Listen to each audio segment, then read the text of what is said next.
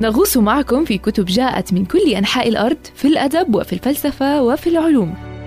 عصير الكتب حلقات على أسدان بودكاست من إعداد وتقديم سالي عصام. وكتابنا لهذا اليوم هو ليطمئن قلبي. لمؤلفه أدهم الشرقاوي. تعد رواية ليطمئن قلبي بمثابة وعاء أفرغ فيها الكاتب أدهم الشرقاوي عددا من القضايا الاجتماعية والدينية إلى جانب بعض الحقائق الواقعية. بهدف إثارة المتلقي وإثراء معرفته. قد كان ذلك من خلال القصة التي قدمها بأسلوبه البسيط القريب من الأذهان. ومن الجدير بالذكر أن الرواية لم تتخذ مكانا أو بلدا بعينه فضاء لإحداثها إنما جرت جل أحداث على متن الحافلة بالإضافة إلى الجامعة دون تحديد هويتها وغيرهما من الأماكن العامة.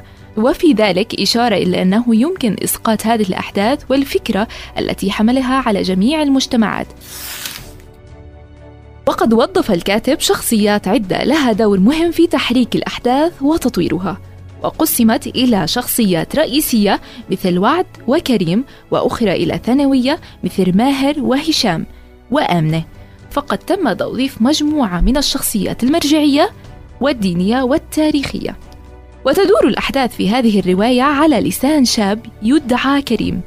كان يستقل حافلة متوجهة بها إلى الجامعة فسرد الواقع التي جرت على متنها لمجموعة من الأشخاص الذين يحمل كل منهم هما وقصة خاصة به. ومن القصص التي سردها قصة الخالة آمنة المتوجهة إلى المستشفى من أجل تلقي العلاج الكيماوي لإصابتها بمرض السرطان. بالإضافة إلى قصة العم أحمد المصاب بالعمى. ويستعرض أيضا الحوارات والنقاشات الثقافية والفكرية التي كانت تدور بين ماهر وهشام. وفي خضم تلك القصص التي كان يحكي عنها كريم في الحافلة استذكر قصته مع الفتاة التي أحبها وأسماها وعد وكيف كان يلتقيان دائما في الحافلة نفسها. إلى أن العلاقة بينهما أخذت منحنى مختلفا عندما طلب كريم الزواج بها. إذا لم تعد تركب في الحافلة ولم تستجيب لمكالمته.